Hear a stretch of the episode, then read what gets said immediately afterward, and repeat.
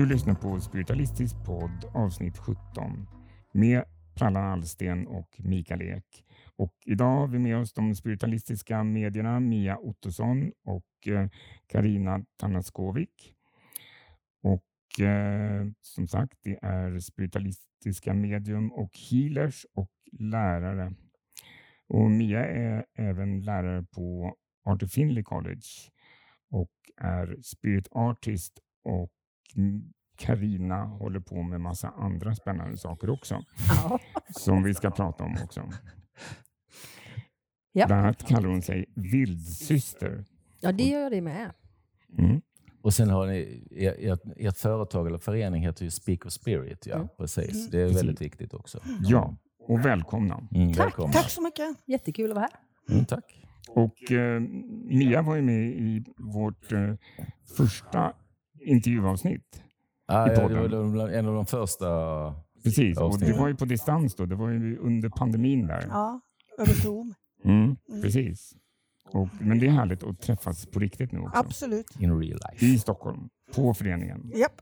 Jättekul. Vi är jätteglada att vara här. Mm. Och det är Stockholms spiritualistiska förening då naturligtvis vi pratar om. Uh, och just det, Prallan sa ju, du sa ju Speak of Spirit här. Ja. Och det är ju ert uh, trosamfund uh, och även uh, som ni har som, vad ska man säga, fasad utåt när ni presenterar er? Eller vad ska man säga? Ja, det blir typ så. jag säger så här, man kan säga att det är vårt paraply, för vi är på varsitt håll också, men det här är vårt som vi har tillsammans och gemensamt. Så är det Speak of Spirit. Mm. Och, men det var i alla fall en förening eller ett trossamfund som man kunde anmäla sig till och bli medlem i. Är det fortfarande det? Nej. Vi har tagit bort det för det blev så krångligt. Och när det bara är två av oss så har vi gjort om det till en vanlig förening.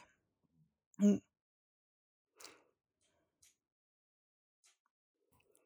Men ni säger här, Speak of Spirit är eh, en eh, eh, spiritualistisk gemenskap. Japp. Och för alla eh, intresserade av andliga frågor. Så att, eh, och det är ju då större än spiritualismen också. Precis. Man välkomnar ju alla. Mm. Man måste inte vara tillhöra något speciellt fack eller något sånt där. Det är bara att vi tror ju mycket på de här, den här filosofin. Så att, eh, men det är klart att alla är välkomna. Mm. Och sen just det här med personlig utveckling också. Mm. Trycker ni på också. Mm. Det är det allting handlar om. Mm. mm. Det är och healing skulle jag vilja säga. Mm. Mm. Och andlig utveckling och det går ju ja. naturligtvis hand i hand. Jajamän. Även om man kanske inte ofta tänker så. Många tänker att man ska göra personlig utveckling. Ja, och många tänker också många gånger att jag ska bara bli ett medium. Mm. Men att bara bli ett medium utan att utveckla själv och förstå det själv, då kommer man inte så långt.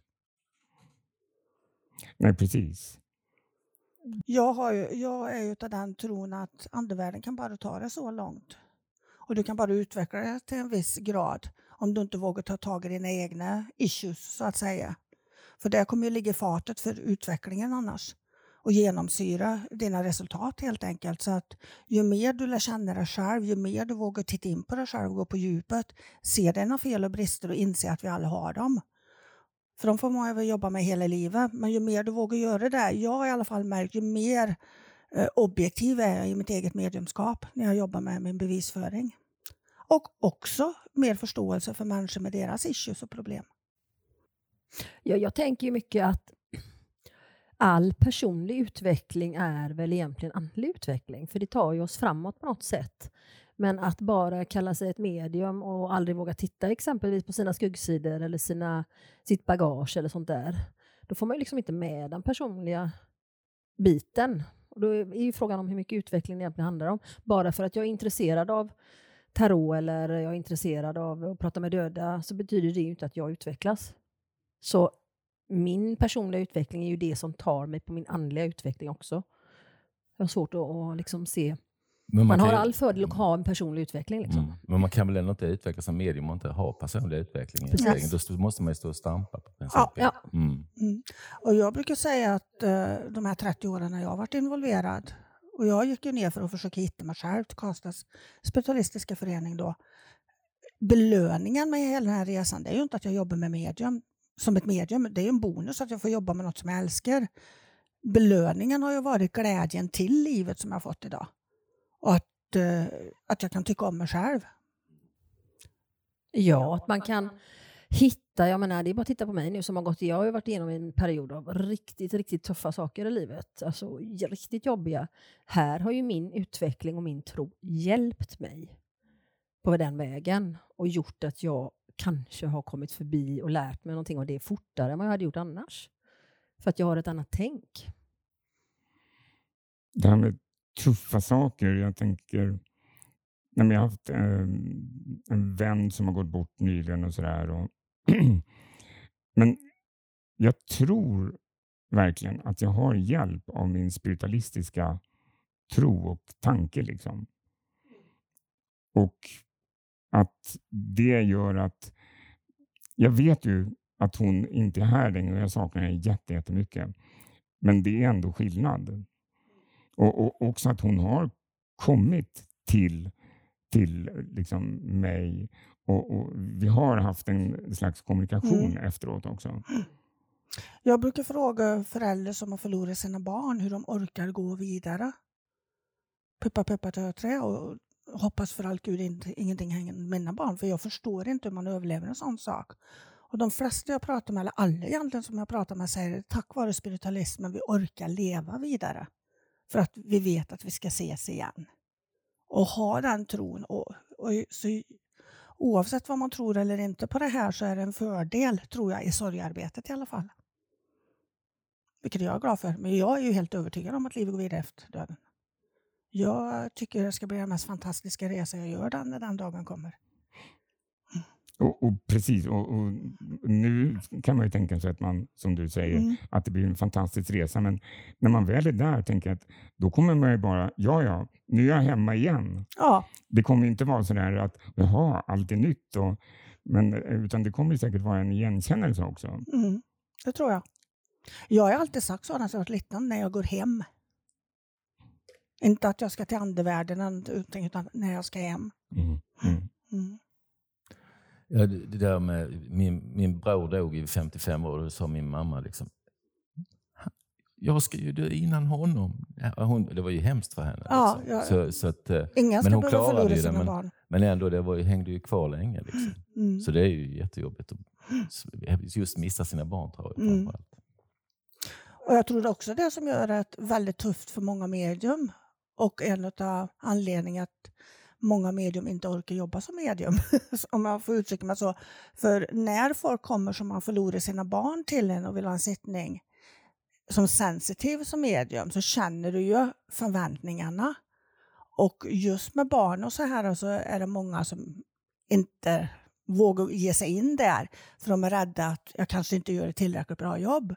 Men det kan jag ju säga över de här åren som jag jobbar professionellt de få gånger som jag är lyrisk, riktigt lyrisk, det är när jag har hjälpt ett helande när någon har förlorat ett barn. Den, den sittningen kan jag leva på i flera månader. För det känner jag, nu vet jag varför jag kanske kämpar, ifrågasätter mig själv och allt det här. Och där har jag anledningen och det är värt det. Men, men då måste man ju också ha den här personliga utvecklingen och kunna ha det där djupet ja. för att kunna följa med ner till den känslomässiga botten mm. på något sätt som det innebär att förmedla en sån sak också. För att har man inte det då är det svårt att och kanske få hela, kunna ta in hela det spektrumet som den kommunikationen ger. Eller? Jag vet, jag, det här kanske kommer att låta jättekonstigt nu men i början när jag jobbade så de första 10-15 åren när jag hade föräldrar som hade förlorat sina barn, då var det med ångest jag gjorde sittningarna. Men jag gjorde dem alltid, för jag, jag vill alltid göra mitt bästa. Men det var ju kraven jag satt på mig själv och jag blev väldigt känslomässigt berörd. Men ju, med åren när jag jobbar, ju mindre... Det är ungefär som jag ställer mig åt sidan och energin bara far igenom mig till där. Så jag blir inte berörd under tiden jag jobbar längre när det händer sådana saker. Men däremot efteråt så kan jag gå ut och så tänker jag på att då ska tårarna komma. Men just i själva situationen, det, det låter hemskt, men då är jag kall. Och jag menar inte att jag inte bryr mig eller någonting, men du vet, det är ungefär som jag, jag kliver åt sidan och så gör jag mitt jobb. Men det är professionellt egentligen. Ja, det är professionellt. ja, ja. Och menar, om du skulle sitta och gråta med den som du sitter mot, då skulle det bli jobbigt för den också. Ja. Så, det, så det är ju liksom det är ju helande i det, att Mm. du gör det. Tycker jag i alla fall. Mm. Ja, och går man vidare och tittar på djupet av personlig utveckling så handlar det här ju om, vi har ju alla hört de här historierna, ja, när jag fick eh, cancer så försvann alla vännerna för de vet inte vad de ska säga eller har någon förlorat ett barn så går de omvägar för att de, Mm. man är rädd för att möta människor för man vet inte hur man ska bete sig. Och Det handlar ju egentligen bara om respekten att jag är här och jag ser dig. Mm. Att man inte är rädd för att möta någon som har förlorat sitt barn till exempel. Utan eh, istället då kanske i vardagliga livet fråga vad kan jag göra? Jag vet inte vad jag ska säga men jag är här. Mm. Men vi är ju så rädda för sådana saker och där kommer ju personlig utveckling in. När vi vågar möta alla människor i olika situationer. Och oftast behöver man ju inte säga så mycket. Det Nej. handlar ju bara om att vara med, lyssna, Precis. Precis. vara liksom närvarande. det, exakt. Mm. Och speciellt de som elever och sånt där som vi har haft som har förlorat sina barn. Jag vet inte någon som inte har sagt att de inte har förlorat hälften av sin bekantskapskrets. För att de vet inte hur de ska bemöta dem, för att de är i sorg. Och det enda du behöver göra är att lyssna egentligen. Hålla det levande. Mm. När, de, om, när de vill prata alltså. Mm. Men det finns nog ofta en idé om hur sorgen ska se ut och Mm. hur länge man ska få sörja. Och, eh, när man har sörjt över en viss period då börjar man bli jobbig och sådär. Ja, rycka upp det ungefär. Du Mm. vet. Ja. Jag, jag, tror inte man kan sätta det på någon som har förlorat ett barn. För de, de kommer sörja hela livet. Mm. Jag tror att de bara lär sig leva med sorgen. Och det är ju naturligtvis inte bara ett barn utan Nej. det är också en, en partner eller någon som Absolut. har varit nära. Liksom. Mm. Ja, men jag har en kompis hon mådde väldigt, väldigt dåligt och kunde få okontrollerade gråtattacker två år efter hennes man dog. Självklart. Det är ju så. Mm. Det räcker ju att ett minne dyker upp eller det blir en trigger någonstans så är det ju där. En låt som kommer som de delade. Mm. Så det är klart att man, det växer någonting. Liksom. Och sen kan jag dra parallellen mot det. Min, min underbara farmor som supermedial. När hennes eh, pojk tog livet av sig. Hon var, hade ingen sorg. Hon sa, jag har pratat med honom, jag vet att han hade bra. Så man, det finns som sagt, man kan aldrig, det är så individuellt sorg. Det, det, det är väldigt individuellt. Ja, men när min do, mor dog så hade jag redan innan förstått att hon skulle dö och att hon var på väg. Att hon, eh, hon, hon såg sin, eh, upplevde att hon såg sin mor till exempel. Och eh, jag visste helt enkelt att hon var på väg så jag var väldigt förberedd när hon dog. Det var ingen tvekan om att hon var redan eh, väldigt mycket över på andra sidan.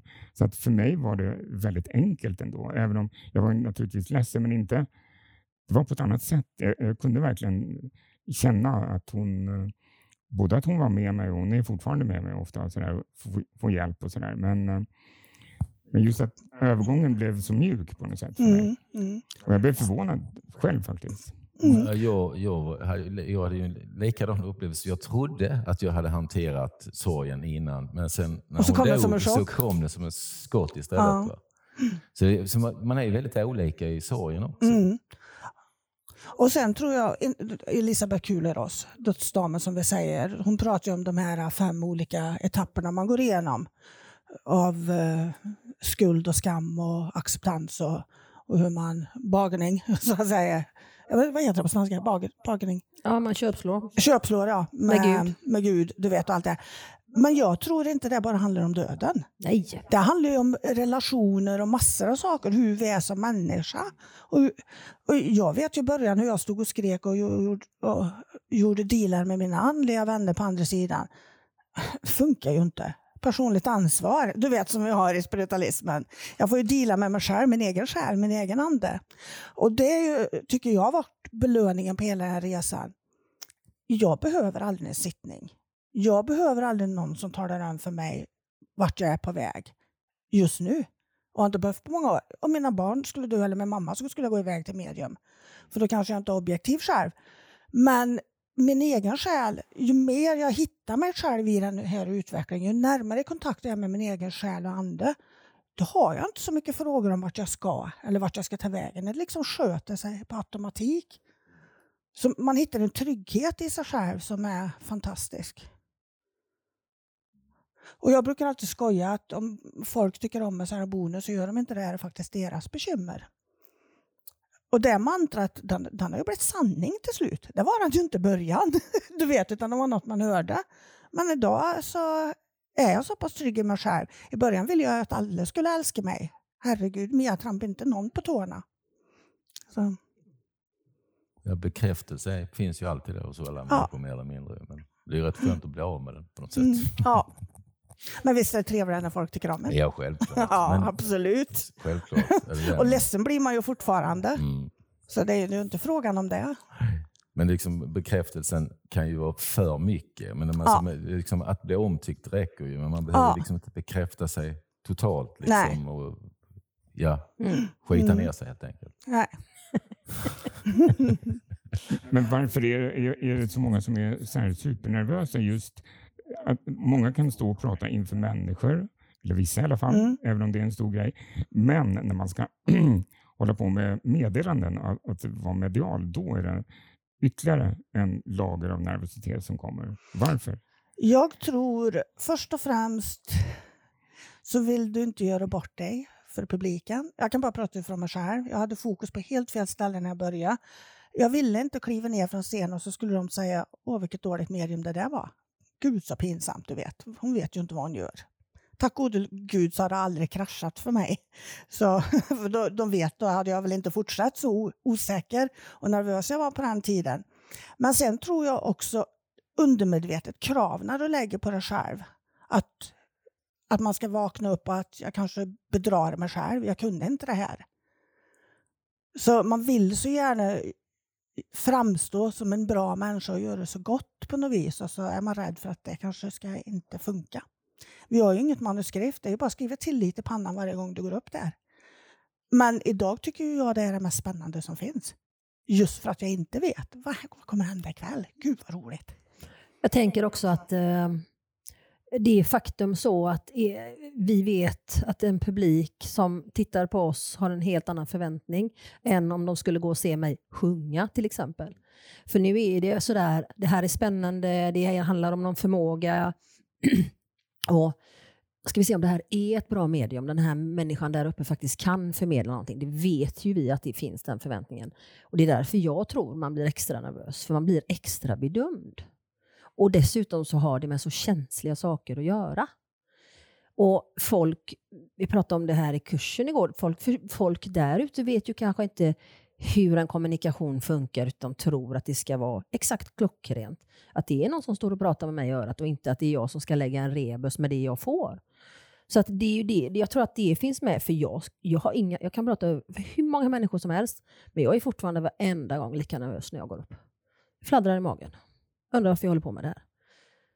Men det är ett viktigt jobb, tycker jag. Och vad vi försöker göra mycket, tycker jag också, det är ju det här med att visa att vi kan ha lite roligt samtidigt. Det behöver inte vara gravallvarligt och, och heligt, och heligt är det ändå. Men just att vi får lov att skratta och skoja lite också. För det hör ju också till livet. Och det är egentligen det man ska förmedla. Liksom. Ja, jag tror jag... Jag har ju kommit till den slutpunkten, eller slutpunkten, men i början så trodde jag att jag var tvungen att vara på ett visst sätt för att vara medium. Du vet, man skulle visa respekt och man ska... Och det, det kom ju mycket från kristendomen, den här kyrkliga biten. Och jag jag fick inte glömma att tacka andevärlden varje kväll jag gick och la mig och bla bla bla. Idag är jag så trygg i att de vet vad tacksam jag är idag över dem. Så jag behöver inte tacka dem, du vet varenda kväll. För jag är tacksam jämt för att jag har min tro och att jag vet att mitt team är där. Och att vi gör det bästa för dem. Och jag vet ju att ju bättre jag kan må, ju mer jobb får ju andevärlden ut av mig. Så det är klart att de gör ju allt för att jag ska ha det så bra som möjligt i det här. Jag tror fasen också vi är rädda. Jag tror vi ibland många gånger är rädda att kliva i vår riktiga power. Ja, det är vi. Det finns Jag tror att man är lite försiktig och håller igen och sådär. Jag menar, jag hade en period inför varenda seans, här ska ni få höra, så sa jag okej, eh, om jag inte ska göra det här nu så kan ni ju visa det idag och då och inte ge mig någonting så att allting går åt helvete så ska jag aldrig göra det här mer. Det sa jag varje gång. Du vet, det är sådär. Snacka om att och verkligen inte vara så snäll mot sig själv utan istället bara tänka, för det har jag lärt mig idag, jag är fortfarande nervös idag, men idag tänker jag, jag kan bara gå ut och göra mitt bästa. Mm. Och jag vet att jag jobbar från hjärtat. Sen har vi så gam många gamla skrönor och dålig kunskap från lärarna, ursäkta mig. Eh, en del kommer väl bli jätteförbaskade när de hör detta kanske. Men, eh, jag hade ju en mentor och han i sin tur hade, och jag har hört från många andra, att det kommer en dag när du ställer dig på scen och andevärlden kommer och testar dig om du är äkta eller om du läser psychic. Så varje gång man gick upp så väntar man ju på den där gången, är det dagen de ska testa mig och jag ska stå där som ett ufo och vara ett fån och vara, det där sketna mediumet som man var rädd för då, för, för man hade ett ego. Det har ju aldrig hänt. Och varför skulle de testa mig? Varför skulle de göra 70-80 personer i publiken besvikna för att se om jag kan vara ärlig? Och en annan sak som jag tycker är väldigt viktigt att förstå också. Det var så fult på den tiden. Antingen var det mediumistisk eller så var det psychic, intuitiv kanske vi ska förklara och läsa av andra människor. Men de där går ju hand i hand. Det enda vi gör är att psykomatrisera energin. Så att du måste ju ha med den psychic abilityn också. Och de har aldrig testat mig. Är det någon som testar sig själv så är det jag. Med min egen ande, min egen själ. Som driver mig in i olika situationer för att jag vill växa och bli bättre. Jag jag måste berätta det här. Jag, jag berättar för min fru att jag tänker efter för mycket ibland när jag är uppe. Mm. så, du pratar ju alltid direkt utan att tänka annars. Varför gör du inte det när du är där uppe? Så, så, och, och, och då tänkte jag, fan det har hon ju rätt i. Ja. Men man tänker inte på det så själv. va? Nej, för att det blir så allvarligt Ja, helt plötsligt. ja, precis. För nu så- handlar det inte bara om dig. Nej. Nej. Precis, och det, ja, så, men det var, det var en fin lärdom av henne. Mm, Hon sa det direkt, så det var rätt va- vackert ändå. Liksom.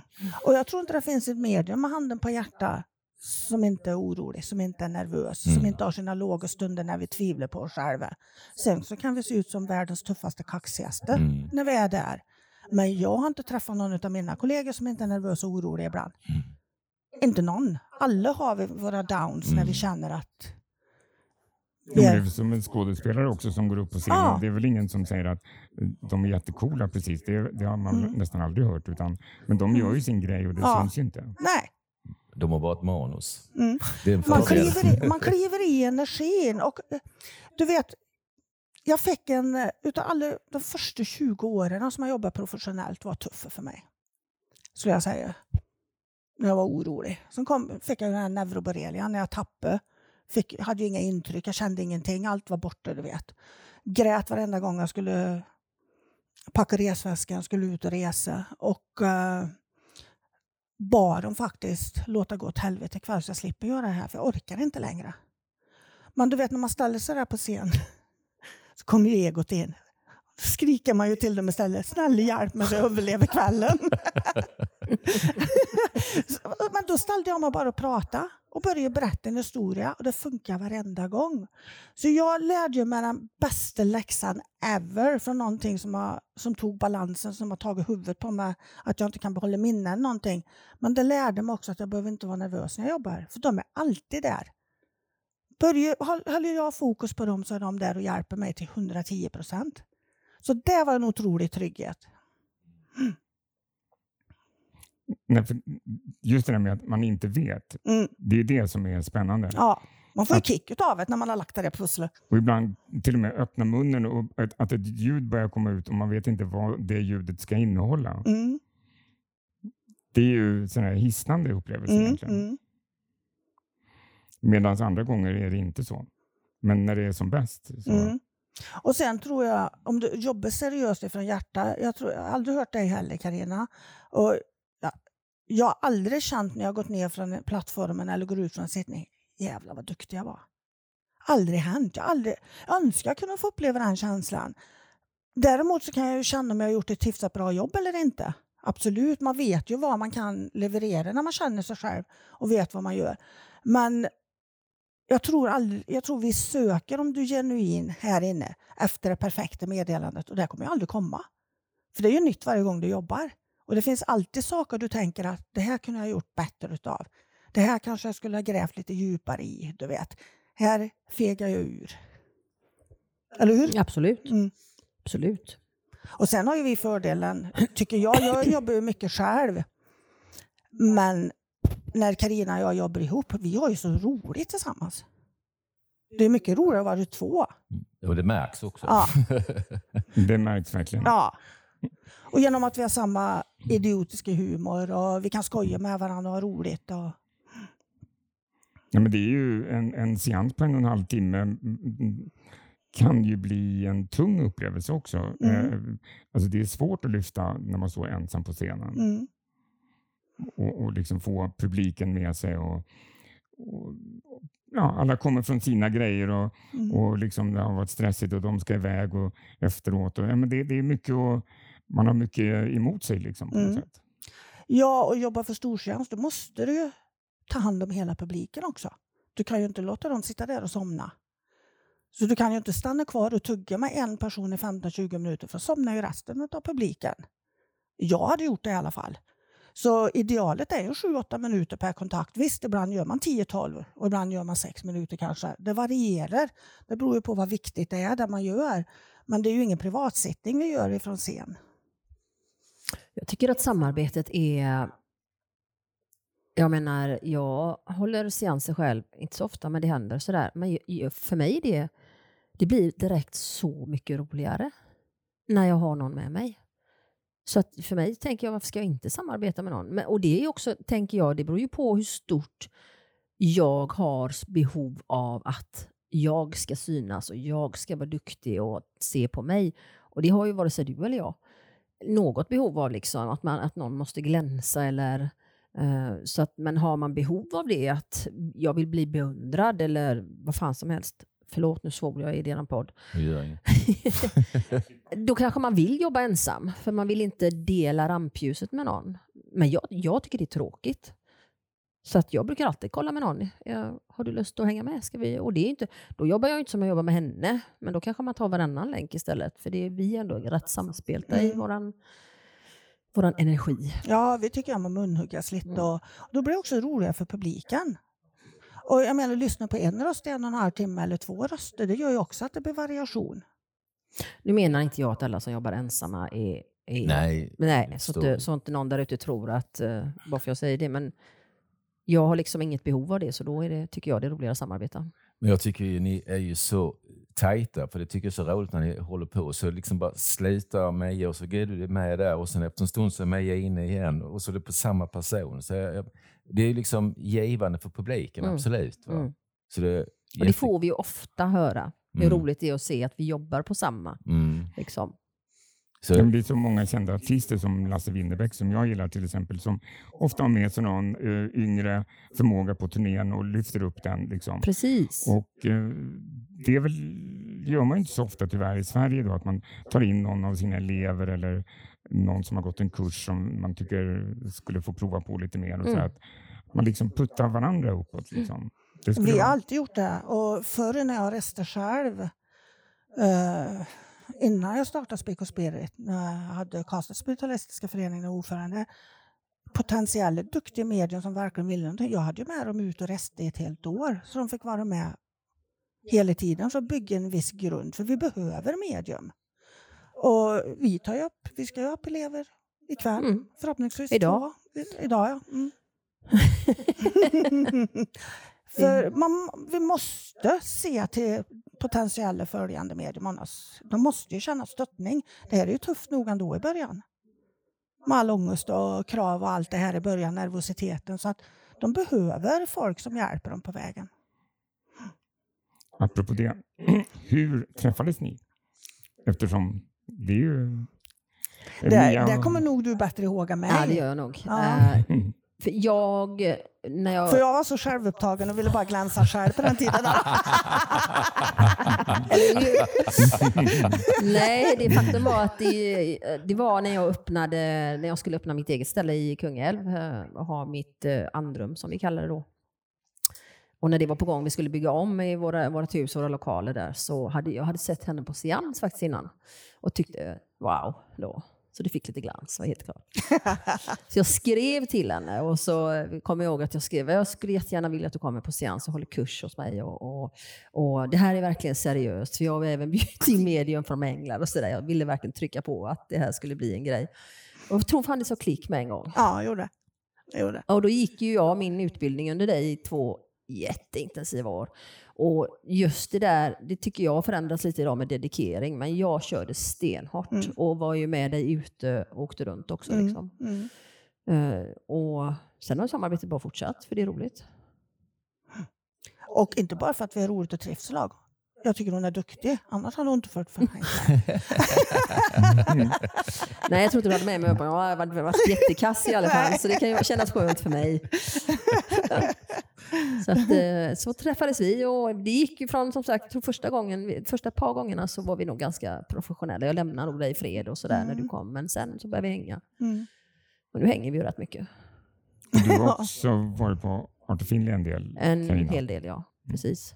Och det är där jag gör mitt andra, har gjort mitt andra, jag har gjort en esoterisk utbildning med, med lite andra saker än bara kontakter med andevärlden. Vil, vad är det för några utbildningar? Det är, han- det är mer en utbildning som handlar om eh, element, arketyper, naturkrafter. Alltså, jag ska inte säga schamansk, men det finns en blandning av allt sånt där i. Och det är mycket en personlig utbildning, alltså en personlig utveckling i den kursen. Och det tycker jag är jättespännande. Och den får ju en verkligen att titta på sig själv, Precis. den psykologiska biten, hur man funkar. Mm. Så det tycker jag. Jag, tycker det är, jag älskar att djupdyka i filosofi. Och just nu håller jag på med en kurs i mirakel. Jag, jag är alltid 50 år efter alla andra. den kom väl på 60-talet tror jag, men den har jag upptäckt nu och tycker den är, den är så tänkvärd. Så att, ehm, så, så att just hålla igång tankeflödet och, och gå på djupet. Det tycker jag är skitspännande. Till skillnad från dig då. Nej, jag skojar! Mm. Nej, Jag klarar inte av att läsa Nej, jag idag, vet. efter neuroborrelian. Men jag pratar ju med dig. Så Mm. att, Ja. mm, precis. Mm. precis. Vi, pratar, ja, men vi pratar ju mycket filosofi och hur vi Ja. tycker och tänker. Och, liksom, och det ändras ju med tiden och det tycker jag är skönt. Jag menar, det jag trodde idag trodde jag inte för några år sedan. Liksom. Och det, är det, det är ju inte alltid vi tycker lika. Nej. Så är det. Och eh, det vet jag många gånger när jag jobbar i Stansted. Då får jag frågan varför lär ni olika lärare ut olika? Ja, för att vi kommer från olika bakgrunder helt enkelt och vi tror och tänker lite annorlunda. Så vi säger ju alltid, eller jag, lita aldrig på ett medium. Lita aldrig på ett medium, utan lit på dig själv. För alla vi i medium kommer tycka att vi vet bäst. För det, ingen kan vara på samma medvetandenivå.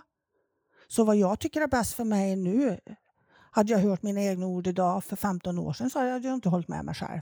Men då, för 15 år sedan tyckte jag ju också att jag visste allt.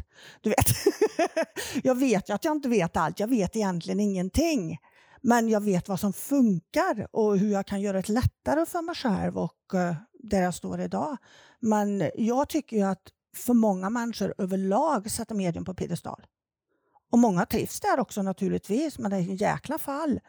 Men jag tycker att vi ska, måste börja ifrågasätta medien. Vi måste börja diskutera filosofin. För vi lever inte på början av 1900-talet längre. Vi, vi har ju gått framåt. Men sen måste man ju, om man då går utbildning så ska man inte gå, och man ska ju gå och pröva olika utbildningar. Mm. För att då får, det har jag ju märkt när man har varit så olika, att det är Ja. en väldig skillnad. Mm. Och Ja. Man lär sig olika saker. Ja, Absolut. och plocka det bästa utav det Ja, bästa. precis, men då, Mm. då, då får man ihop någonting själv, i sig Mm. själv så att säga. Men det kräver ju också ett ganska gott självförtroende för att är, man, är det här jättenytt och det är jättespännande och jag, och jag känner mig liten och otrygg och jag kan ju ingenting så är det väldigt lätt att tro att just det här, så här måste det vara, det måste vara Mm. sant. Så då får man ju landa i och, och verkligen, och det säger vi ju alltid, känn efter, känns det här sant för dig? För det spelar ingen roll om det är sant för mig. Det måste ju kännas sant för dig. Så, det, så gör ju vi när vi gör alla övningar det här. Testa det här och gör det här och vill du sen aldrig använda det så gör du inte det. liksom. För det måste funka för dig. Men då måste man våga titta på det också. Vänta lite nu, det de sa där, känns det som det kan finnas någonting i det egentligen? Kan jag tro på det? Uh, och då skulle, vi, då skulle vi kunna ta diskussionen om att hjälpa döda över till andra sidan som har fastnat. Vi ska behöver inte ta det nu. Men där kan man ju tycka och tänka väldigt olika människor. Då måste man ju liksom titta inåt och, och tänka förnuftigt, tycker vi. Ja, och det, det, det som är svårt i den här branschen det är att jag känner så här, så det är äkta för mig. Men du vet, tror du på någonting så känner du så här. För hjärnan skapar, den är väldigt kraftfull. Jag, kom, jag diskuterade häromdagen med dig, mina mardrömmar. Jag har ju som fobi för småkryp och grejer. Det kryper eh, eh, saker och larver under skinnet på mig. Riktigt äckliga mardrömmar. Men en gång så kommer jag ihåg att jag drömde hur det kom en stor spindel emot mig så här och sätter sig i ryggen och vrider runt. När jag vaknade på morgonen har jag ett stort blåmärke där. För hjärnan skapar ju det. Så att vi har ju otroliga krafter. Så, men du känner om det känns rätt, säger du. Nej, det gör du inte. För vill du att det ska vara rätt så känns det rätt. Tro mig, jag har levt med något som var väldigt fel i många år. Men bara för att jag ville inte tro att det var fel så kändes det ju jätterätt. Mm. Så det är viktigt med sann självrannsakan. Självrannsakan, ja Mm. precis. Det är jätteviktigt. Mm. Och ifrågasätta även sig själv. Ja, absolut. Liksom. Jag brukar säga den största lögnen för mig själv. Mm. Den största lögnen för dig själv. Heter det så? Vet inte. Ja, det blir det. Ja. Ja, men, Självkännedom i all ärlighet, men den, den största lögnen är du själv. Eller, nej, jag, jag kan fan inte Ja. prata. ja, men det Mm. låter Ja. bra i varje fall. Ja. nej, men just att vi gärna ljuger för oss själva. Men Ja. där är ju också en grej som kommer med utveckling. Det finns något direkt som talar om för dig att nu är du inte riktigt sann. Och har man då kommit så pass långt så lyssnar man på det hur obehagligt det än är. Istället för bara la la la la la la la. Liksom. Jag var med om en sån där eh, ande, att, att vi skulle föra över, eh, det var någon, eh, när vi var hemma hos oss en gång faktiskt. Mm, jag var med. Man säkert där. Jo. och eh, nej, men då, då stod vi in, och då var det någon som, av oss som sa, liksom, som var lite mer van. Sådär, och, ja, men, eh, här är, det är jättemycket döda här och ni har en portal här och sådär. Och, eh, ja, men, och då skulle vi ställa, ställa oss i en cirkel och det hade varit en begravningsplats och folk hade eh, liksom fastnat där. Och vi skulle liksom... Och alltså det blev, vi stod i en cirkel och det blev en stark känsla. Och, Mm. och då hade vi och just den där känslan att, att det, det var någon uppåtgående kraft. Och, men alltså det var verkligen en suggestion också. ja, ja, absolut. Precis. Och, och det blev ju väldigt starkt. Och, och, och, ja, ganska länge trodde jag på det där. Liksom. Ja. Och det var ju ganska skrämmande att vi bodde på en begravningsplats och att det Mm. var liksom en eh, Ja, men den här portalen där döda och gick fram och tillbaka. Och Mm. det blev ju liksom, nej det blev ju inget bra. Nej, det är klart det inte Nej. Och det hjärnan inte förstår, då kommer djurets instinkt in och det är ju försvar. Och trygg, trygghet och försvar, det är det vi letar efter. Och jag menar, hela spiritualismen är ju färgad av kristendomen ifrån början. Och det är ju svart och gott, svart och ont. Svart och vitt, ont och gott. Så att, och om vi tittar på kristendomen förr i tiden så skulle ju kistorna gå ut bakdörren så att de inte kunde gå igen. Och de slog i dem med järnspik så att det skulle hålla kistan på plats. Du vet, så det finns ju väldigt mycket myter som har, som har kommit in. Sen kom ju new agen in och då la vi alla religioner i en gryta och rörde runt. Du vet. Så att, eh, och det var ganska underbart egentligen. Men jag tror det finns en röd tråd i alltihop. Man behåller ett sunda förnuft. Man behöver inte, det är magiskt utan att man behöver överdriva magin så att säga. Det är magiskt ändå. Man behöver inte fluffa runt på, på morgonen. Du vet. Nej, men, och sen tänker, här kan jag också tänka på kraften av ritualer mycket. Mm. Eh, de, de har ju kraft, så är det. För annars hade människor i urtider inte gjort ritualer. Och, och de har ju en mening och man känner ju någonting med det. Jag menar, bara en sån sak, jag har en japansk tempelklocka som jag plingar i morgon och kväll. Tackar för dagen eller önskar mig själv en bra dag. Det är en ritual jag gör. Men jag förstår ju att den ritualen är för mig. Hänger du med på skillnaden där? Liksom, om om vi, vi, vi vill göra saker för att det känns bra för oss så är det jättebra. Men det är för mig. Det är inte anden som behöver det liksom någonstans. Men det är som när man sitter och mediterar. Är man då flera stycken så blir det ju en större kraft. Mm, klart att det blir. Jag vet, Det är bara för att man är fler. Ja. Så det blir ju någon form av Kollektiv. Kraft, Kollektiv, ja. Mm. Precis, och vi hänger ju faktiskt ihop. Och det är Mm. också en sån där, vi har ju mycket floskler tycker jag. Ouch, nu stack jag ut näsan igen. Mm. Som, nej men alltså, som vi säger och det låter så bra, men så tänker man sådär ibland, men, men vad är meningen bakom de här? Vad är det när vi säger ja, vi är ju alla ett? Det har vi säkert hört här. När man stannar upp och så frågar man som människa, vad menar du med att vi alla är ett? Liksom.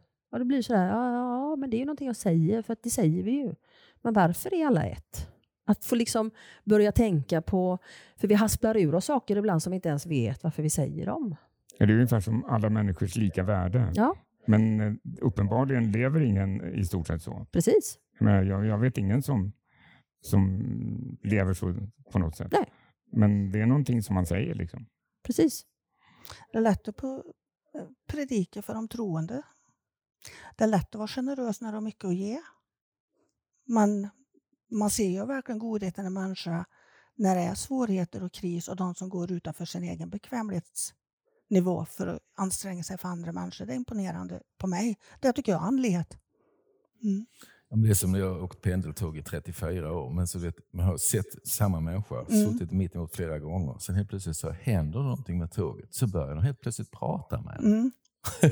ja, just det. för, för det blir någon form av case. De behöver mm. ha någon sammanhang, de behöver ha någon att prata med och liksom reda ut problemet med. Mm. Men man kan ha sett dem i fem år och sen stannar tåget och ingen svarar. Så helt plötsligt börjar alla prata med varandra. Mm, det är precis. fantastiskt ja, Visst är det. Visst är det. Skulle, det skulle vara kul att prata om de sju principerna mm. och de sju spiritualistiska principerna. Mm. Och det är ju Emma Harding Britton, Emma Hardin Britton. Emma Harding Britton, ja. ja. Eh, 1860-tal någonting va? 1871. Ja. Som hon då fick, var det hennes guide han, eh, Robert Owen, eller var, var, det, var det någon hon träffade på just för de här principerna? Det, var, det har ju kommit fram efteråt att de faktiskt kände varandra. Mm. Han var ett medium också, mm. som hade gått över. Ja, så de, det diskuteras ju idag om att han, de har diskuterat de här principerna innan han dog faktiskt. Och att de var fler från början. Så idag finns det ju väldigt många frågetecken om hon faktiskt fick dem från honom, från andra sidan. Och jag menar, vi får tänka på att människor på den tiden hade också egon och ville vara någon pionjär och sticka ut. Jag, jag har ju hört historier från de här kända, den ena divan efter den andra och så vidare. Så att det, allt det här med ljus och kärlek kan jag tycka är en jäkla floskel. Du vet. För det är så lätt att slänga ut sig, du vet. Men eh, det fanns mycket egon på den tiden också. Och eh, de skulle ju egentligen behöva skrivas om, tycker jag för att de är så gamla. Men att skriva om dem i den stora organisationen som SNU är, då, det skakar de ganska mycket. Men jag vet att det har varit prat på det, men jag tror inte det kommer hända. Jag vet inte. Vi får se. Men... Och de var ju tvungna att ta fram dem för att vi medium överhuvudtaget skulle få jobba som medium. För häxkraftlagen försvann 64 eller någonting tror jag va? 1964, det är ganska sent. Vad hände då? De tog bort häxkraftlagen i England. Så att du kunde åka fängelse där då för att du jobbar som medium. Så att det var ju tvungen att bli en religion. Och jag menar, tänk dig då andra världskriget då när människor dog, det var många där då och de försöker få igenom det här. Jag kommer inte ihåg nu riktigt vad principen heter, vid the ministry of the angels som de la in där. Och där har jag hört från diskussioner att den kom just för att det skulle vara ett igenkännande från kristendomen. Du vet. Det var ju väldigt mycket änglar på den tiden. Och det är ju kristendomen och katolicismen och så vidare. Så. Men jag tycker om dem för att de är fritolkande. Man kan tänka lite som man vill. Man kan skapa väldigt mycket diskussioner omkring dem. Jag föll för den på femte principen för att personligt ansvar. För jag tycker vi människor har en otrolig förmåga till att lägga över ansvaret på andevärlden. Och ett otroligt ansvar att lägga över allt som är fel i vårt liv och skylla på någon annan. Så jag gillar ju den, personligt ansvar, för det gjorde också att jag själv behöver bara ta ansvar för mig själv. Jag kan skita i alla andra. Nu gör jag inte det. Jag älskar människor och jag älskar mina barn villkorslöst, bla bla bla. Men det betyder för mig att jag behöver inte gå in i andras problem om jag inte kan hjälpa dem. Vad, vad är vitsen att spendera en massa oro om jag inte kan göra nötet? Så jag har lättare att släppa taget idag. Annars älskar jag den andra principen mer än någonting annat. The Brotherhood of Man, sammanhållning mellan människor har vi döpt den till. För jag tycker att om vi förstod att vi hörde samman, att vi är ett som vi pratade om, att vi kommer från samma källa, från Gudsgnistan, från stora alltet, kärleken, the Grace Spirit, kalla det vad ni vill, så om vi förstod det så kanske vi börjar respektera varandra lite mer och inte vara som djur. Här är mitt revir. Här ska jag sitta och jag ska ha mest pengar och finaste bilar och flottaste och vara bäst, du vet. Om vi kunde se till den lite mer så tror jag vi skulle få en fredligare värld. Det kanske är därför också den andra principen där. Eh, för spiritualismen har alltid varit väldigt tolerant. Ja. Även för de, eh, ja, för homosexualitet på, Oh ja. alltså i början av 1900-talet och, och på ett helt annat sätt eh, ja, öppen för olika nya idéer och sådär och inte fördöma människor. Mm. Och de var också väldigt mycket för välgörenhet. De samlade in pengar, du vet, till människor som hade det fattigt och mycket sånt där. Så att det var ju väldigt mycket mening att, att man skulle komma samman och hjälpa varandra. Och sen tycker jag det är intressant, jag ska jobba med en kvinna som har kommit igenom Arthur Findlay College nu, Ann-Marie Bonn. Hon är den första svarta som jobbar där. Och det har vi också När skedde det? Eh, i, vi skulle jobba, men det var ju pandemi så han hade inte öppnat upp så vi skulle haft vår artkurs men nu kommer den nästa år i februari eller om det är mars. Men det är väldigt sent. Alltså det är en- Eller hur? ganska sent. Att den Det är första- ganska precis och, och det har vi också börjat diskutera nu. Varför finns det inga mörka människor, andra än oss vita europeer nästan, som bara jobbar där? Va, vad är det som gör att vi har... För vi är välkomnande, du vet. Det finns många homosexuella där. Men första svarta och vi tycker det är... Ja, men det, det, jag är glad att det händer saker och ting. Ja, men det, det är de här tysta fördomarna som finns. Som, som till exempel Ja. på min arbetsplats var det också mycket så att det var liksom inte så mycket eh, utländsk härkomst. Mm. Det började komma men alltså, Mm. det tog ju lång tid innan. Ja. Mm. Och det är liksom så här tyst fördom som Mm. man inte pratar om men den finns där ändå. Liksom. Mm. Ja, och tänk om vi kunde börja prata om sånt och Mm. faktiskt komma ner till att det handlar om rädsla. Precis. För vi är rädda för det vi inte riktigt förstår. Mm. Det är ju olika kulturer och sådär. Men tänk vad bra om vi hade kunnat mötas och lära oss då om varandras kulturer. Mm. Det är ju fan så mycket mer spännande. Det är mycket mer spännande, absolut. Acceptans som inte annars. Ja, precis. Och respekt. Alltså, jag kanske inte håller med dig i det du tror eller hur ni gör vissa saker. Och så länge ingen far illa någonting, men jag respekterar att du gör det. För jag vill också ha den respekten. Liksom. Det är ju så. Vi kommer aldrig tycka lika. Nej. Men jag- brukar säga det ibland, just den här ovänskapen som kan hända mellan människor och sådär. Jag vill inte jag leka med dig för du, du var inte snäll mot mig. Du vet, men säger du så till dina familjer? Säger du det till dina barn? Hur- ofta har jag inte bråkat och skrikit på gubben? Men jag ska väl inte ha någon mindre dagen efter? Och, och sen så kan vi bråka för att vi inte tycker lika här, du vet. Och sen undrar vi varför det är krig. Ja. Så tolerans, tålamod och mer kärlek. Det är en floskel, ja, men vi behöver mer kärlek. Så är det som Astrid Lindgren där. Ge barnen kärlek och kärlek och kärlek, Mm, du vet. Och folkvettet kommer av sig själv. Ja. och så kommer Precis. folkvettet av sig själv. Ja. Precis. Mm, mm. Nej, men det är ju rädslan som, det är rädslan som styr väldigt mycket. Oh, ja. Och det är ju hemskt Oh, ja. egentligen.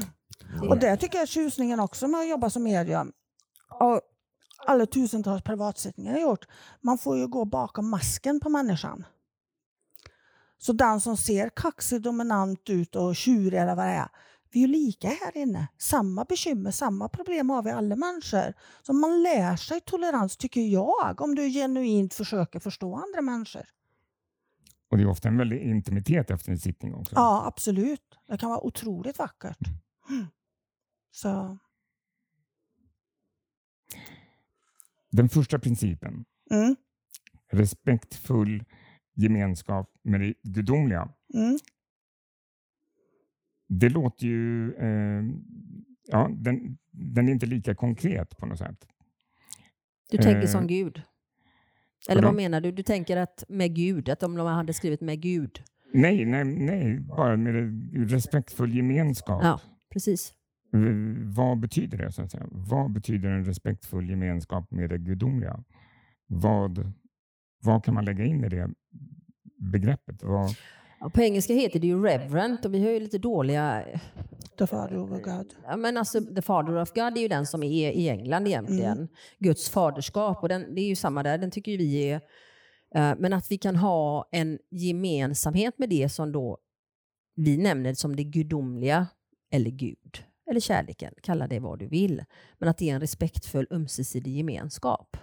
Och det kommer, att det är respektfull handlar ju bara om att vi ska vara respektfulla mot varandra. Då kommer vi tillbaka till det här. Liksom.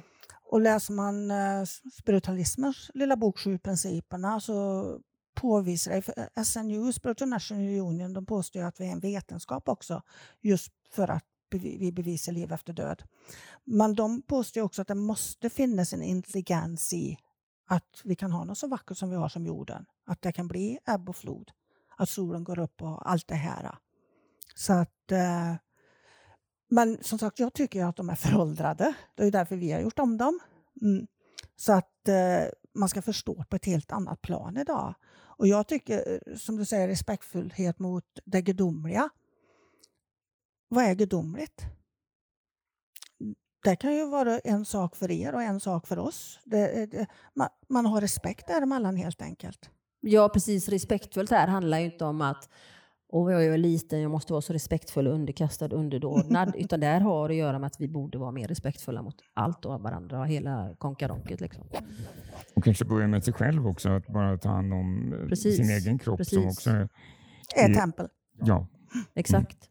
Ja, men sen är det med gudomliga, det är ingen, det är ingen fader, det är ingen man. Det gudomliga kan vara det du har som mm. ditt gudomliga. Ja, men precis. Mm. Och det, det, så det är ju det är en jättebra förklaring på det, mm. tycker jag. Liksom, att det ligger så. Blir det faderhood, ja. eller fa, Guds fader, ja, visst, ja. då blir det mannen uppe i himlen igen. Ja. ja. Precis. Och om vi tittar runt om i världen, jag menar om du tittar i Amerika, där är 80 procent av befolkningen religiösa. I Sverige är 80 procent icke-religiösa. Icke-religiösa. Mm. Den neuroborrelian slagit till så jag hittar inte mina ord alls. Uh, och det säger ju ganska mycket. Så säger vi ordet Gud här, om du inte är kristen, så tittar de ju på det som om du inte är klok i huvudet. Så vi, ett tag så var vi lite stötande. För när vi kände att det var många sådana som avskydde ordet Gud så använde vi det väldigt mycket. Mm. och sen så testade vi och så gjorde vi om och så pratade vi om the goddess istället. Det var mycket mildare, det kunde folk ta mycket enklare. Så just den där rädslan för det lilla ordet Gud. Och det är ju för att det är så många krig som har skapats i religionens namn. Men det är ju inte Gud, det är ju människan mm. som skapar krig. Mm. Ja. Och religion. Ja, och religion också. Och talar om hur det ska vara. Precis, och de där 80 procenten i USA, det gör ju inte att landet blir bättre och mindre polariserat. Nej, absolut inte. Mm. Det, ja, där är det skrämmande. Mm. Däremot kan jag tycka att det är en diskussion som är jätteviktig att ta upp, för det finns ju medium som inte tror på Gud. Eller som inte tror på något gudomligt. Eh, och då, då blir jag sån här, okej, okay, ska vi gå tillbaka till att vi alla hänger samman? Vad är det vi hänger samman i? Tror vi att det är kroppen? Det tror inte jag. Kan det vara anden vi hänger samman i? Och vad det hänger samman med om inte källan? Vad är den källan? Och Den kan du kalla vad sjutton du vill, men vi måste ju tro att den finns. För om vi tror att vi har en ande som ska utvecklas så måste den ju vara ifrån något. Mm. Liksom. Ja, och där kan vi ta ett steg längre tycker jag som är skrämmande. Hur kan vi ha spiritualister som är rasister? Mm. Och fördömande. För om du är medium och du ska älska det här och the brother of man, som är sammanhållningen mellan människor. Hur kan du då inte tycka om mig för att jag har vitare hy eller dig för att du har brunare hy eller bruna ögon eller mörkare hud. Eh, eh, det, det går över mitt förstånd. Ja, för du kommer inte se någon skillnad på anden. Nej, precis. Mm. precis. Och om du tar små barn i olika färger, de har inga problem med de olika färgerna. Det är ju den vuxna människan med sina idéer och uh, översitteri. Så, och då när de säger att de är spiritualister, du vet, jag, jag jag, det går över mitt förstånd. Vad tänkte de där egentligen? Mm. Ja, det finns många som inte tänker. Men vi har ju pratat om den här sammanhållningen mellan människor, mm. tvåan helt enkelt, den andra principen. Och eh, gemenskap och kommunikation med andarna. Mm. Och det är ju det, är det eh, vi håller på med helt mm. enkelt. Japp. Och, och, det som är grunden egentligen i spiritualismen. Japp. Precis. Eller dess eh, existensberättigande. Ja, mm. det är där vetenskapen kommer in som man säger. Det mm. bevisar att livet går vidare efter döden. Mm. Så att det är ju eh, naturligtvis spännande och man har ju gjort det överallt i, i världen. Eh, Carina, du håller på med shamanism och sådär. Så att det har ju funnits i alla tider naturligtvis. Absolut. Det, det, det är ju inget nytt. Mm. Vi har alltid trott, och alla religioner tror ju också på att anden går vidare och lever vidare. Så att, eh, det är ju absolut inget nytt under solen. Och jag menar, tittar man på ursprungsbefolkningar och sånt, de, de har ju jättestor vördnad till sina förfäder. Och, och i, i högsta grad ha med dem i livet. liksom. Så att ja, det är ju ett naturligt sätt att tänka. Och det, den röda tråden går ju genom, all, alltså, Mm. det är samma överallt. Och jag tror att den är så extremt viktig att titta in på för det finns så mycket dö- dödsångest bland människor. Mm, Och det finns medium som har dödsångest, som är rädda för döden. Och det är så tragiskt för att om vi, våg, om vi kunde förstå och jag tror inte det är bara något du kan säga till någon. Du vet att livet går vidare efter döden. Man måste känna det, man måste komma inifrån. Det fanns en tid när jag trodde.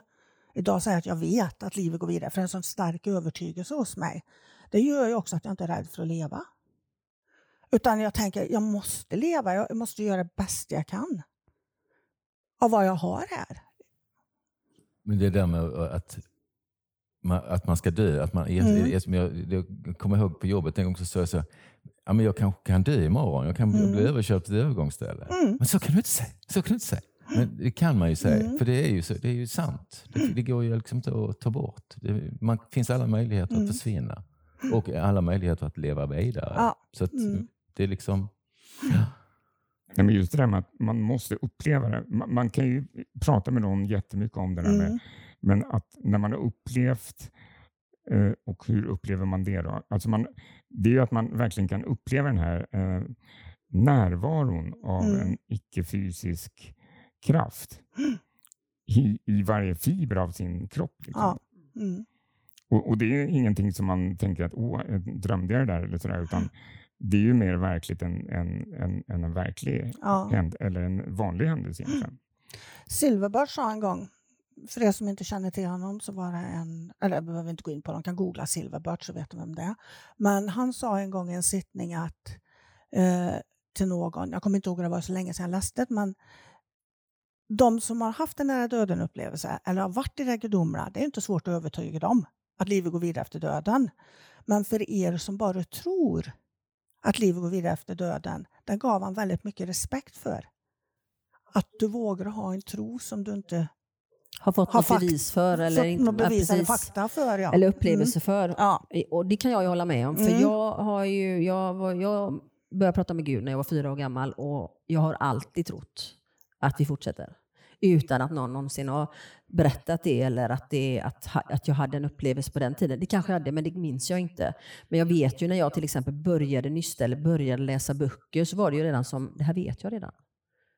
Så det blev ett igenkännande mer. Så att det, jag tänker man kan ha den förvissningen även om man inte, nu har jag haft ett par visioner och sådär, men även om man inte haft det så kan man ha den förvissningen och den tron. Sen om man får lov att känna närvaron av andevärlden eller att vi faktiskt, här är min, här kommer min mamma eller min anhöriga eller min kära. Det blir ju en förstärkning av det. Och det är ju så vi kan, det är då, där kan vi ju lättast liksom få de där som, ah, jag vet inte riktigt. Där kan de ju få sin övertygelse när de verkligen kan känna den närvaron. Och det är det just att förstå, jag tycker att det ger livet ett syfte. Att förstå att min ande existerar vidare efter att min kropp dör. För vad är syftet annars? I syfte att jag ska komma hit och så ska jag jobba tills jag är 65 år. Jag ska jobba, äta och sova och, och göra något och sen ska jag lägga mig ner och så ska det bli svart. Vad fan är det för mening med det?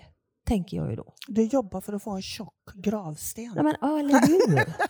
Nej, men jag kan ju tänka, för mig, jag kan ju liksom tycka, känna sådär, sorg för människor. Min, min man, eh, min före detta man, han, han trodde ju så. Han trodde ju att det blir svart. Och kämpar ihjäl sig, sliter ihjäl sig till den punkten när han får, han får alltså en hjärnblödning. Och då kan jag tänka, vad är det för mening med ett sånt liv? Vad ska det... Alltså för, hä- hänger ni med på vad jag vill Mm, komma till? Jag menar, då tänker jag ju, jag har ett syfte här, min ande har ett syfte här, det är någonting jag behöver lära mig eller jag ska uppleva eller bla bla bla, vad det nu är. Eh, och sen ska jag liksom vidare, lägga de erfarenheterna till och fortsätta.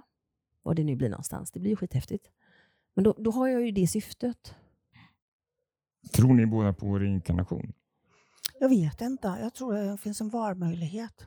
Precis, det tror jag också. Men jag är, fakt- jag är inte intresserad utav det som jag kanske var förr. Eh, för livet är tufft nog som det är, tycker jag. Och jag försöker leva så mycket jag orkar. Och det här kanske låter jättesjukt för många, men jag har haft en dödslängtan sedan jag var liten. När jag var 10-12 år så låg jag nere i skogen och ute på ängen och tittade på stjärnor och tänkte kan ni ta hem mig för vad gör jag här? Ändå har jag en väldigt fin barndom, fantastiska föräldrar, ingen våld, inget drickande, ingenting. Jag har en jättevacker, vi åkte på semester, jag var omtyckt, jag var kärleksfull och ändå ville jag inte leva. Och då tänker man ju, och det fick man ju höra sen, att du är dum i huvudet, du måste vara mentalt sjuk Mia.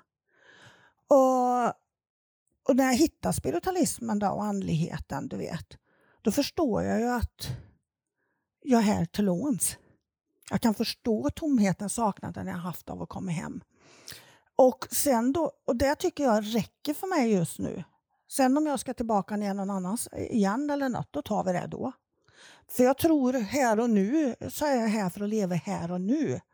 Och ja, det kan vara spännande, du kanske, men jag tror ju att det är många som kanske letar orsaker till varför de har problem här och nu i sina gamla liv. Och den köper jag ju inte. Utan Många säger det är karman jag har idag. Men jag tror ju att du föds utan karma, sen skapar du och reder ut den under livet. Men det är min tro. Och det här är ju filosofi. Jag kan ju ha jättefel, men det är så jag tror. Mm. Det här ämnet är ju så stort ja. för att pratar du med mig så existerar inte tid. Det är ju vi som skapar tid här på jorden. Och då kan man ju prata om okej, okay, om allting redan finns, för det finns ingen tid, allting existerar redan, allting som någonsin ska existera existerar. Eh, är det ett val jag kan göra? Att, har jag parallella liv just nu? Kan jag välja, när jag inte är denna kroppen, att okay, men jag vill gå tillbaka till 1700-talet? Eller är det så att jag kanske redan är på 1700-talet samtidigt som jag gör det här, för det finns ingen linjär tid? Så den kan vi tänka på mycket. Den är spännande. Ja, och speciellt om vi tittar på science fiction-filmer med allt sånt här. Precis. Eh, time traveling och allt det här. Någonstans måste det ju komma ifrån. Hur kan vi komma på något sånt om det inte existerar? Men, men det, det, ser man ju bara.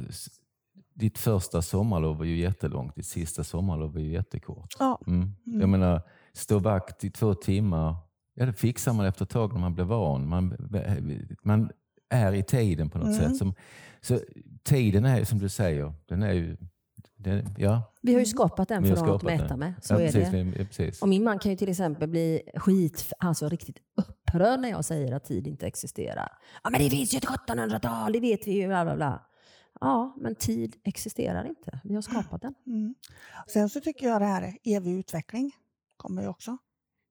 Absolut. Mm. Precis, den sista principen. Mm. Den är vacker. Mm. Jag läste en gång Martinus kosmologi eller jag läste inte alls mycket för det var så jäkla djupt och så himla krånglig text, gammal text. Men jag tyckte han hade en poäng med evig utveckling. Och han pratade om, det, eller om det är jag som har lagt till det, det är så länge sedan, hur vi lever här. Att säga att vi är i ljuset. Och är du i ljuset hela tiden så tröttnar du ju. Om allting går bra och allting flyter på så blir du uttråkad, även här i livet. Vi behöver utmaningar. Så han påstår i alla fall att vi kommer ifrån mineralriket, går upp i växtriket, vi går upp i djurriket, vi går upp i människoriket. Så går vi upp i andevärlden och så fortsätter den här spiralen ända upp i ljuset. Och sen när du är uppe där så tar nästa resa i fart igen som en evig spiral. Så jag tror inte våra små ärthjärnor här och nu där vi lever i den här kroppen kan förstå den principen riktigt. Nej, men precis, jag har också studerat mm. Eh, Martinus gjorde mm. under några år faktiskt. Mm, mm. Och Det är väldigt intressant. Det är en dansk som levde i eh, början på 1900-talet mm. och skrev otroligt mycket. Mm, han fick en upplevelse. Han satte sig med bindel och mediterade tror jag. Va? Och Jesus kom eller någonting sånt där. Och Det är också en sån sak som jag tänker på den tiden. Idag kanske han inte hade sett Jesus. Han kanske hade sett något annat gudomligt beroende på vad vi har för kunskap med oss. För det, vi måste skapa bilder som vi kan förstå. Så att, eh, ja. Efter det så tänkte vi att eh, ytterligare en fråga här som kan knyta ihop det hela då. Och det är ju, vad är meningen med livet? Andlig utveckling. Enda meningen vi är här för. Sen tar den sig olika uttryck. Men det är vår andliga utveckling som är våran, det är hela syftet. Jag har gjort ett litet konstverk. Meningen med livet är att leva livet. Precis. Yeah! Precis, och det är ju det det är. Mm. För att det är ju därigenom jag får mina kunskaper och mina Precis. upplevelser. Mm. Och när, speciellt när vi går igenom svårigheter, för det är ju oftast de som formar oss. Och hur villig jag är på att se på det, är ju det som utvecklar mig som människa. Och jag kan ju titta på mig själv idag och se hur mycket av mina exter och grejer jag har haft för mig genom livet som jag har lagt på mig för att hitta strategier och varit, du vet, jag ska alltid låta högt, jag ska alltid synas först. Det har ju försvunnit. Jag, har inte, jag är fortfarande glad och sprallig, men jag har, inte, jag har inte behovet av att eh, vara clown. Och det kommer ju med min utveckling, tänker jag, det man går igenom och det man växer av. Och det är också egentligen de sju principerna. Vi pratar mycket om döden, för vi pratar om att livet går vidare efter döden och så vidare. Men det handlar ju egentligen om att leva. Mm. Och jag tror du vågar leva om du vet att du lever vidare. Mm, jo, det, Mm. det blir, blir en form av trygghet som man har mm, i det. mm. Men sen är det viktigt att våga leva våga leva i livet så att säga. Ja. För det, det är också väldigt lätt att våga eh, att eh, många lever ju, och kanske de flesta av oss, lever i framtiden eller i det förgångna. Mm. Och med skam och skuld. Den tycker jag är hemsk att vi har. Vi går omkring med så mycket rädsla, så mycket skam och så mycket skuld. Kanske utav ingen anledning. Bara för att folk säger så här är det, så här ska det vara. Men det tycker jag är det fina med den här utvecklingen. Du hittar dig själv och du hittar vem du ska vara. Och hur vill jag leva mitt liv? Och här, här än en gång, den är svår. Jag älskar mina barn. Jag skulle uppoffra mig för dem. Och jag brukar alltid skoja och säga, det har du hört förut, att ställa upp mig och mina barn och min man på rad här och så har du, står det en och ska skjuta dig. Jag tar inte ett skatt för gubben, men jag tar dem för barnen. Allvarligt talat, för där är villkorslös kärlek. Det kommer från min kött och blod och där har vi djuret i oss. Va? Men eh, jag skulle nog ha dåligt samvete och jag skulle må dåligt. Men själv skulle jag nog tagit skott då, så jag slipper skam och skuld. Så får de tre leva. Men vi lever med mycket sånt. Det är skamligt, det är fult, du kan inte göra så här, du får inte göra så här. Hur kan du säga så? Uh, Jag tänker på det du säger där Micke också, för det var ju någon som sa det att när man frågar gamla människor på dödsbädden vad de ångrar, så var det att de inte levde. Att de inte vågade. Så jag håller med dig, man måste verkligen våga leva även när det är tufft. Och även när det, och också, för vi har också en rädsla för framgång. Liksom, då kommer katastroftänket in. Fan, nu går det bra här. Och nu tjänar jag pengar. Oj, oj, oj. oj vänta lite. Oh, vad ska hända nu? Eller att vi knackar i trä, ni vet sådär. Ja, men så finns det ju de här människorna som inte vågar göra någonting. Exakt. Som är totalt isolerade. Mm. Och som, som, man försöker hjälpa dem, men det går inte. För de Nej. står alldeles stilla. kommer ingen vart. Ja, men, oftast rädsla. ja, men precis. precis. För vi är så rädda för att misslyckas. Mm. Och för mig finns inget misslyckande. Det finns bara lärdom. Det finns bara erfarenheter. Bara, bara, bara. Mm. Nej, men det är klart att det är misslyckat. Nej, det är en erfarenhet. Mm. Det är du som väljer att se det så. Just i stunden kanske inte känns som en Nej, det kanske det erfarenhet. inte gör. Det är Mm. klart att det inte gör. Nej, för när man är i stunden är det ju tufft. Och skulle mitt liv krasa ihop så orkar jag inte tänka klart för det är så mycket sorg. Och det är ju sorg människor går till medium. Och genom att jag har tagit kontroll över mitt liv idag, du har väl inte heller gått till ett medium på hundratals år? Nej, nej, nej, nej, nej. För då har man en viss grundtrygghet med sig som man följer så här. Men eh, därför tror jag ju mediumskapet är extremt viktigt. Och det handlar ju inte bara om att ta in kontakter. Många kommer för att de behöver prata. Många behöver komma för att höra att de är inte dumma i huvudet. Det ordnar sig, du vet. Mm. Precis. Och vårt jobb är ju egentligen att få den människan att hitta de svaren själv. För det är först när jag hittar dem själv som de kommer ha mening. Det är, jag kan säga hundra gånger till någon, du borde, du borde. Men om inte den människan fattar själv att den borde. Så det är ju det som är grejen. Men det är, ju, det är också rätt vackert om man har haft en dröm som man har gått och så, man fattar inte drömmen. Så helt plötsligt så bara... Mm. Då ibland undrar jag om drömmarna är som gåtor bara för att man ska Mm. ligga kvar. Och, så att man liksom får tänka igenom dem. Mm. Vi ser ju det ofta på Stansted. Och du har ju också varit med om att hur elever springer till och de ska ha sittning med varenda lärare. Säg att vi har fem lärare som jobbar där och de vill höra från varje lärare att du kommer bli ett bra plattformsmedium. För det är deras största önskan. Det står skrivet i auran här i pannan på dem. Och de vill ha bekräftelse och bekräftelse och bekräftelse. Men du kommer aldrig bli ett bra plattformsmedium innan du tror på dig själv. Jag kan säga att du är det bästa medium i världen. Men du kommer aldrig känna det om du inte känner det själv. Så det gäller ju att hitta den här tryggheten här inne i hjärtat. Och med det kom vi in på Filmtips. Ni hade ett bra filmtips. Mm. The Shack. Mm. Som är skjulet betyder det på svenska, men den heter The Shack. och var hittar man den? Oh, idag vet jag inte. Jag hittade Jag den på tror han går och Netflix. ner på Netflix. Ja, jag vet inte om Mm. den är kvar där, men Mm. det går säkert att hitta. Det, Den Mm. är extremt tänkvärd Mm. och djup. Alltså, Mm. Och man blir sådär, wow. Man kan inte säga för mycket om innehållet, för det, det, då ger man bort grejen. Men Ja. den är verkligen eh. Mm. Mm. Tankeväckande. Ja, Mm. Tankeväckande. Får jag titta på den Mm. om jag inte har sett den. Måste Det är djup filosofi Mm. av det här vi sysslar med. ja. Mm. Mm. Just det. Nu kommer jag på vad det var för film. Jag har sett den. Den är Mm. jättebra. Ja, mm. Ja, visst är Och den. den handlar ju verkligen, alltså den handlar ju lite om The Shack, men den handlar ju om så otroligt mycket annat. Exakt. Mm. Mm. Precis. Mm. Den är fantastisk. Ja, den är fantastisk. Mm. Mm. Ja, jag hänger på den rekommendationen för jag har ingen annan jättebra idag. Har du någon? Nej, jag har Skulle vara tittat... hajen då? Nej, jag skojar. Nej, jag, har sett, jag har sett på en serie, jag har fastnat lite för den, The Good Doctor. Det är en, autistisk, en autistisk kille som blir doktor. Men det är inte så mycket ande. Ja, det finns, hans bror dyker upp ibland. Och så, men, eh, ja, men den är rätt så trevlig just med hans autism. Att han ser världen på ett helt annat sätt. Och ändå så är han kirurg. Och just allt det här med ja, att de inte kan tillåta han göra sådana här grejer. Och ändå så fixar han det jävligt bra. Så det, det är ta- tänkeväckande så på det sättet.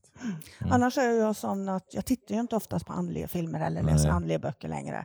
Jag ska ju ha science fiction, ja. Varulvar och vampyrer och vet, allt sånt. Jag älskar det. Då drömmer jag mig bort i en annan värld. Ja, ja. Flyr verkligheten ett tag så att säga. För nämligen 10 december så ska ni ha en holistisk mässa. Nej, Nej, den blir inte av. precis. Om, det står på er hemsida. Mm. Ja, jag vet. Vi har inte tagit bort det ännu. Men det, Okej. är, det är antagligen för sent i december för folk att, att springa på mässa. Så den kommer bli flyttad till våren. Okej. Ja. Så Yes. att, eh, men, och vi har inget datum för det ännu. Däremot så kommer vi lägga in i december någon vardagskväll eh, gratis över Zoom. Där just eh, vi kommer öppen för diskussioner om allt det här som vi har pratat om. Ja, För ja. folk som vill ställa frågor och så här. Kul. Mm. Och kommer på Speak och Spirits hemsida. Och var håller ni till då? I Sverige? I Göteborg. Och lite, Mölndal. ja, li- och lite runt om i landet. Mm. Men Jo. det är ju, där håller, bor ju vi så att säga. Mm. Mm. Så att, Och eh, era hemsidor då, speakofspirit.se ja, och där kan man nå era individuella hemsidor också. ja Mm. precis. Som ni har gjort väldigt snygga nu också. Jag har inte uppdaterat tack. den på fem år tror jag. Så jag hoppas att den är Ja, snygg okej. fortfarande. Okej, Carina har gjort sin väldigt Nej, tack så mycket, vad roligt att höra. Det var en väldigt söt häst här. Två stycken till. Ja. Mm. Tack så jättemycket Ja, tack Tack mycket. snälla för att Tack vi fick komma, jättekul. Ja, Jätteroligt. Mm. Bye bye. Bye, bye. Bye, bye.